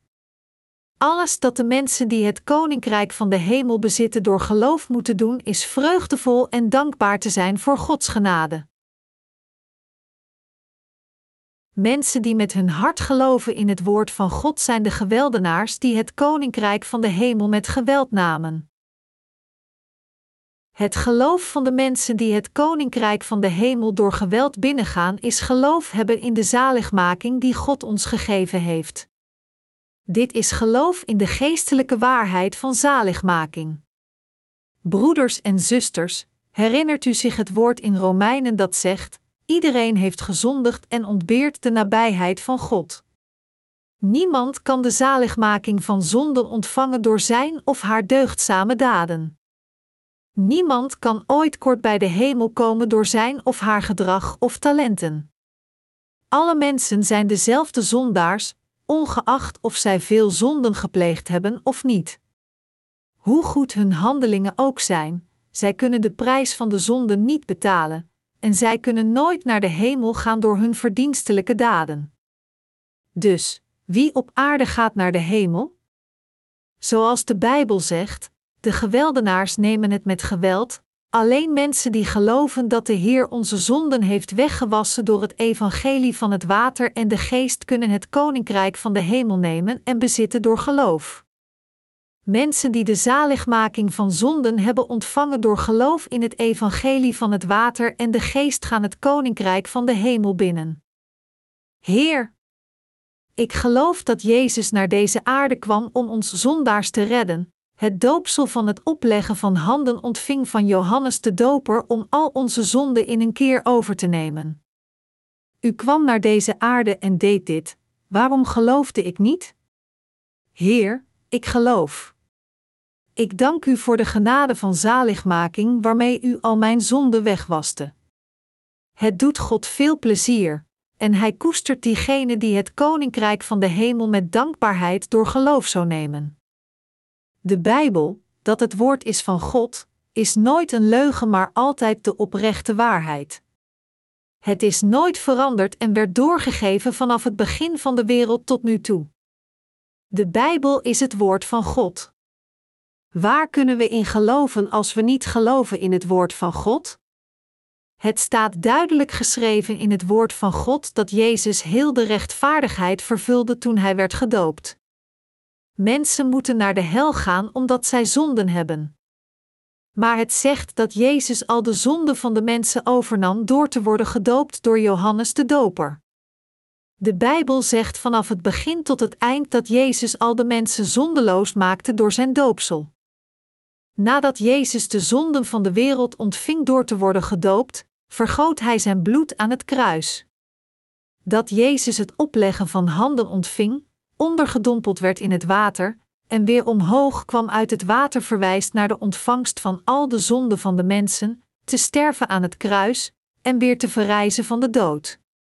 Jezus nam persoonlijk al onze zonden over door zijn doopsel, werd later aan het kruis genageld en stierf, en verrees weer op de derde dag na zijn dood. Hij zit nu aan de rechterhand van de troon van God de Vader en geeft de woorden van bewijs: U hebt geen zonden aan de mensen die geloven in Jezus Christus als hun Verlosser. Dat Jezus naar deze aarde kwam en ons zondeloos maakte is Gods rechtvaardigheid. Het is de zaligmaking van God. U moet met uw harten in dit feit geloven. Het evangelie van het water en de geest is de waarheid die in u en mijn harten moet zijn. U moet met uw harten geloven in het woord dat u tot nu toe hebt gehoord. U moet het koninkrijk van de hemel met geweld nemen door geloof in het evangelie van het water en de geest. U en ik zijn mensen die het koninkrijk van de hemel met geweld namen door ons geloof in het evangelie van het water en de geest. Alleen diegenen die geloven in het evangelie van het water en de geest met hun harten en oprechte vergeving van hun zonden hebben ontvangen, kunnen het koninkrijk van de hemel binnengaan. Al uw zonden werden doorgegeven aan Jezus Christus, en hij ontving het oordeel voor deze zonden namens u. Toen verrees hij op de derde dag na zijn dood, en zit nu aan de rechterhand van de troon van God de Vader en wacht op de dag van het oordeel. Hij leeft. De Heer kwam naar deze aarde in het vlees van de mens, werd gedoopt, stierf aan het kruis en verrees op de derde dag nadat hij stierf. Hij getuigde over de waarheid voor 40 junior nadat hij was verrezen, en hoewel hij kort voor 33 junior in deze wereld heeft geleefd, zit hij nu voor eeuwig aan de rechterhand van God de Vader. Daar, zegt hij tegen iedereen die in zijn hart gelooft volgens het woord van zaligmaking, dat is juist. Dat geloof is juist. U bent een van mijn mensen. Kom het koninkrijk van de hemel binnen. Broeders en zusters. Al u en mijn zonden gingen over naar Jezus door zijn doopsel. Dus God zei dat sinds de dagen van Johannes de Doper, het koninkrijk van de hemel door geweld wordt bedreigd. Hij zei dat de gewelddadige het met geweld neemt. Hij vraagt niet waarom ze het met geweld nemen, integendeel, hij laat het door geweld nemen. Waarom nemen zij het met geweld? Mensen worden de rechtvaardigen door geloof en nemen het koninkrijk van de hemel met geweld dat komt van dat geloof. Dat betekent dat zij het koninkrijk van de hemel door geloof bezitten. Dit is het correcte geloof. Of mensen ascetisme praktiseren om zichzelf van zonde te distancieren, proberen geen zonde te plegen, of goede werken opstapelen om naar het koninkrijk van de hemel te gaan, het is allemaal nutteloos. Geen mens kan dat doen, ongeacht wie hij is, omdat de mens van vlees is. De dingen zullen slecht eindigen hoezeer we ook proberen rechtvaardig te handelen, omdat u en ik zwakke lichamen hebben. Onze lichamen willen iets eten als we iets lekkers zien. Ze willen mooier worden zelfs als zij al mooier zijn geworden, en ze willen meer hebben dan anderen. Zo ongelukkig het ook is, er komt geen eind aan de hebzucht van het lichaam. Hoe kunnen wij die zo zijn dan leven zonder zonde te plegen? Dat is onmogelijk. Daarom moeten we de rechtvaardigen worden door geloof, niet ons verdienstelijk gedrag. We moeten Gods kinderen worden door geloof, het eeuwige leven ontvangen door geloof en het koninkrijk van de hemel binnengaan door geloof. Ik heb mijn zonde aan Jezus doorgegeven en ben een van de rechtvaardigen geworden door te geloven in het evangelie van het water en de geest. Mensen worden de rechtvaardigen doordat hun harten geloven, net zoals de Bijbel zegt: Als uw hart gelooft, zult u rechtvaardig worden verklaard. Als uw mond beleidt, zult u worden gered. Romeinen 10 uur 10. Broeders en zusters, gelooft u echt met uw harten in het evangelie van het water en de geest? Gelooft u dat al uw zonden overgingen naar Jezus? Zo ja, dan bent u rechtvaardig. U hebt geen zonden. U kunt geen zonden hebben sinds Jezus naar deze aarde kwam en al uw zonden, overtredingen, fouten en ontoereikendheden in een keer wegnam door te worden gedoopt, hebt u geen zonden. Net als Elia de vertegenwoordiger onder de dienaren van God uit het Oude Testament was die al de mensen van deze wereld vertegenwoordigde als Gods dienaar, wie is de vertegenwoordiger van heel de mensheid? Het is Johannes de Doper. 2000 jaar geleden, doopte Johannes de Doper Jezus in u en mijn plaats en gaf al onze zonden aan hem door. Al de zonden van uw voorvaderen, uw kinderen en de kinderen van uw kinderen gingen naar hem over op dat moment. Uw ouders zijn ook mensen van de wereld net als u. Iedereen die in de toekomst geboren wordt, is ook opgenomen in de mensen van de wereld. Johannes de Doper verklaarde: Daar is het Lam van God, dat de zonde van de wereld wegneemt. Deze passage betekent dat Jezus al de zonde uit de toekomst, het heden en het verleden van de mensen van de wereld heeft overgenomen door zijn doopsel. Oké, laten we zeggen dat u oorspronkelijke zonden had vanaf het moment dat u in de schoot van uw moeder zat, geboren werd en zonden pleegden tot u tien jaar was. Zijn al deze zonden doorgegeven aan Jezus of niet? Natuurlijk gingen zij over naar Hem. Natuurlijk gingen niet alleen de zonden die u pleegde tot uw tiende over naar Jezus, maar ook al de zonden die u zult plegen voor de rest van uw leven gingen over naar Hem. Sinds al de zonden van de wereld naar Jezus overgingen, hebt u geen zonden. Dat is, als u gelooft in het evangelie van het water en de geest. In Johannes 1 uur 29 is een getuigenis over Jezus dat zegt: Daar is het Lam van God, dat de zonde van de wereld wegneemt. Johannes de Doper getuigde dit de volgende dag nadat hij Jezus doopte. Net als deze getuigenis, ontving Jezus al de zonden van de wereld door zijn doopsel, droeg al deze zonden naar het kruis en stierf eraan. De zonden die u hebt van de tijd dat u in de schoot van uw moeder zat en de zonden die u pleegt tot de tijd dat u doodgaat, zijn opgenomen in de zonde van de wereld. De zonden die u bewust en onbewust pleegt omdat u onrijp bent, zijn zonden van de wereld, omdat u hem pleegde levend in deze wereld. Alle zonden zijn de zonden van de wereld, diegenen die bewust gepleegd worden, diegenen die onbewust gepleegd worden, diegenen die in het geheim gepleegd worden en diegenen die publiek gepleegd worden. Dergelijke zonden van de wereld gingen over naar Jezus. Alle zonden die we plegen op 20, 30, 40-jarige leeftijd tot al de zonden die we plegen tot we sterven werden doorgegeven aan Jezus. Zij gingen duidelijk over naar Jezus. We moeten absoluut weten en geloven met onze harten in het evangelie van het water en de geest dat al onze zonden elimineert en ons het koninkrijk van de hemel laat bezitten. Ongeacht sekse of leeftijd, iedereen moet dit feit kennen en koesteren in zijn hart. Natuurlijk, geloof ik ook in deze waarheid met mijn hart.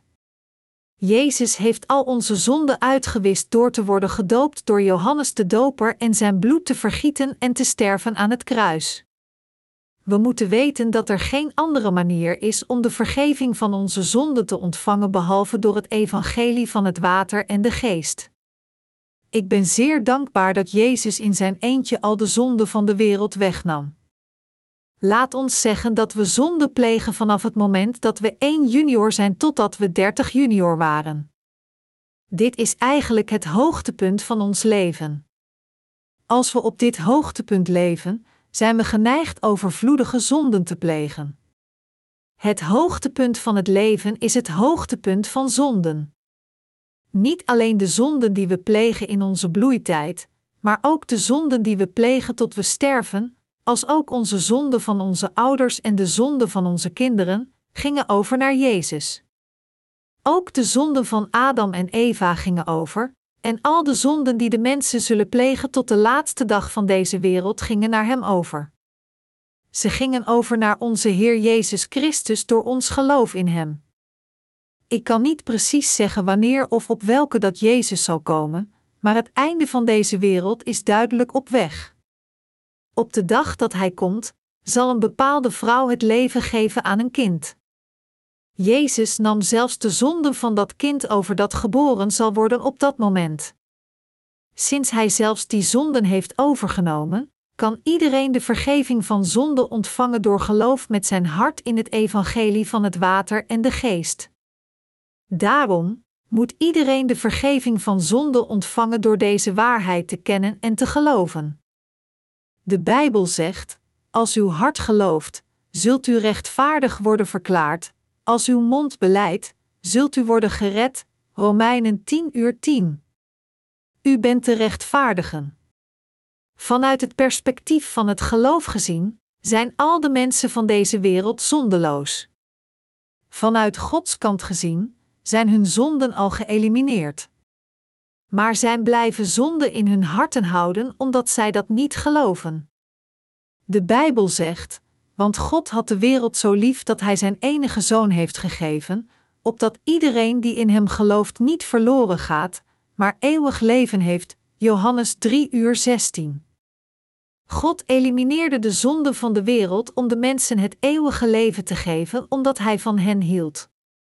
Hij heeft alle mensen gered zodat er geen enkel persoon gedoemd is het oordeel te ontvangen. Maar er zijn zoveel mensen die dat niet weten. Er zijn veel christenen die vandaag de dag niet weten wat het evangelie van het water en de geest is. Daarom zijn zij nog steeds iedere dag zondaars. Want de profetieën van alle profeten en van de wet reiken tot de dagen van Johannes. En voor wie het wil aannemen, hij is Elia die komen zou. Matthäus 11, 13, 14. U moet nu uw harten zetten op het feit dat Johannes de Doper de Elia is die komen zou, en dat geloven. Johannes de Doper is de vertegenwoordiger van heel de mensheid, de grootste ooit geboren uit een vrouw, en de dienaar van God die Elia is die komen zou.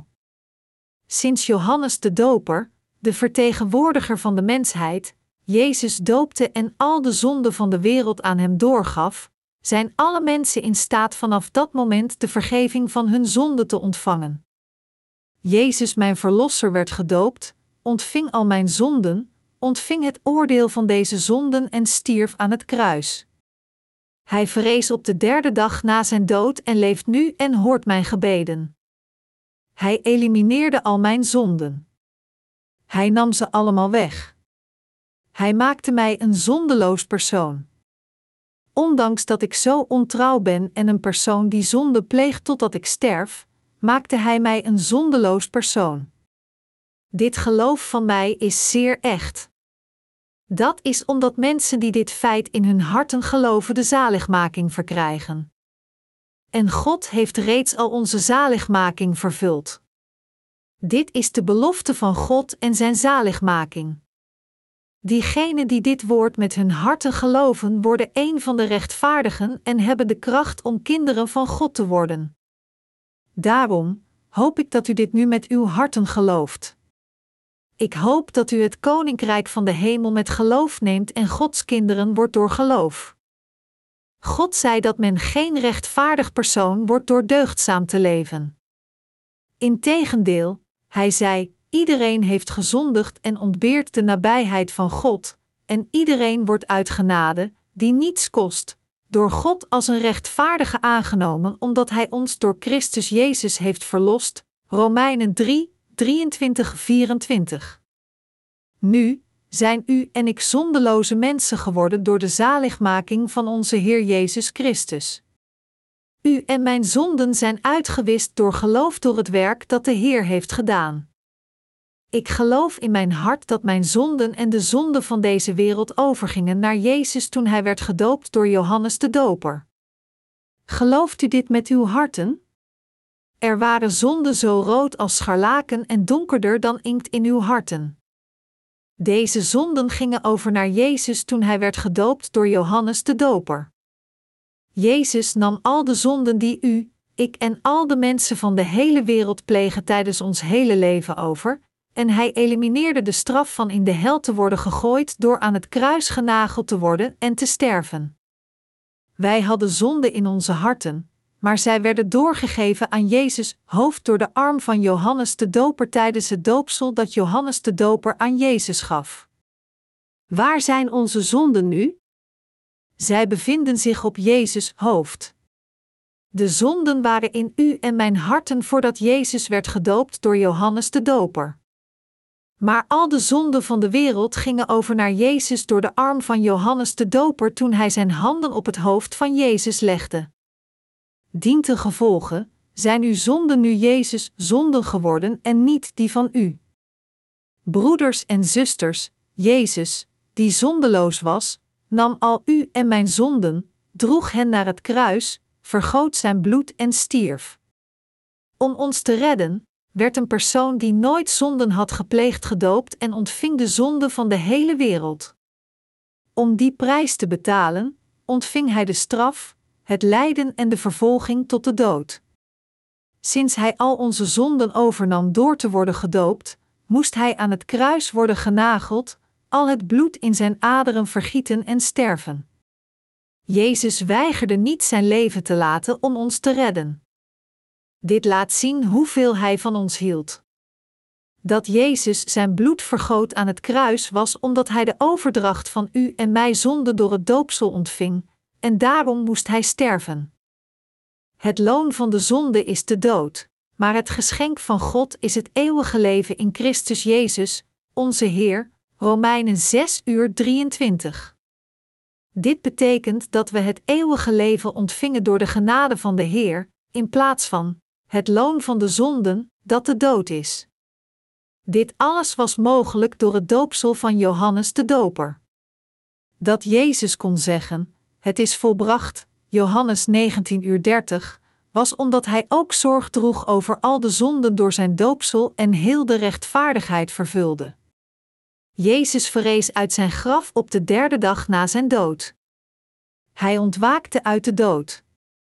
De verrezen Jezus getuigde veertig dagen ijverig over het werk dat hij deed en over het evangelie. En hij steeg op naar de hemel voor de ogen van veel mensen. Terwijl hij opsteeg, beloofde de Heer dat hij zou terugkeren naar deze aarde, zeggend: Ik zal terugkeren op dezelfde manier zoals jullie mij naar de hemel zien gaan. Onze Heer redt mensen die geloven in hun harten dat het koninkrijk van de hemel door geweld wordt bedreigd vanaf de dagen van Johannes de Doper. Hij staat hen toe de zaligmaking door geloof in hun harten te verkrijgen en door niets anders. Hoe bent u van plan de vergeving van uw zonden te ontvangen? Kunt u dat doen door deugdzaam te leven? Nee, dat kunt u niet. Ongeacht hoeveel goede dingen u doet, u kunt zelfs niet een kleine zonde van u elimineren. U kunt het niet doen door uw verdienstelijke daden. Zoals een Koreaans gezegde zegt: er bestaat geen loyale zoon als een man een chronische ziekte heeft. Ongeacht hoeveel mensen iemand als een aardig persoon erkennen, als hij voor lange tijd ondraaglijke pijn moet verdragen, zal hij opgeven en zijn ware zondige natuur openbaren ongeacht hoeveel een persoon zijn ware natuur en geheime motieven verbergt, en zijn uiterlijke verschijning in heiligheid wikkelt. De mens is een wezen dat uiteindelijk zijn ware natuur openbaart als het moeilijk wordt. Als u een ding heeft dat goed is, dan hoop ik dat u niet vergeet dat u ook veel slechte dingen heeft. Daarom hoeft u zich niet te schamen voor uw zondigheid. Dat is wat de mens is. Jezus werd gedoopt door Johannes de Doper en elimineerde al de zonden van u, mij en heel de mensheid. Als een persoon niet gelooft dat Johannes de Doper Jezus doopte, dan gelooft deze persoon te vergeefs zelfs als hij gelooft in Jezus. De beschrijving van Jezus' doopsel is geopenbaard in alle vier de evangeliën. Dit feit is uitermate belangrijk en we moeten het absoluut weten. Broeders en zusters, ik hoop dat u leeft door te geloven met uw harten volgens het geopenbaarde woord. Dat het koninkrijk van de hemel voor de eerste keer van u wordt, moet u geloven in Jezus, liefde dat al uw zonden uit uw harten elimineerde door zijn doopsel, het kruis en verrijzenis. U hebt nu geen zonden omdat Jezus de Verlosser hen reinigde met het water en het bloed. Ik hoop dat u dit feit zeker in uw harten gelooft. Mensen die dit geloven zijn bevrijd van alle zonden en hebben de zaligmaking ontvangen. Deze waarheid is de waarheid van de vergeving van alle zonden besproken door het offersysteem van de tabernakel. Ik ben God dankbaar die ons gered heeft van onze vele zonden.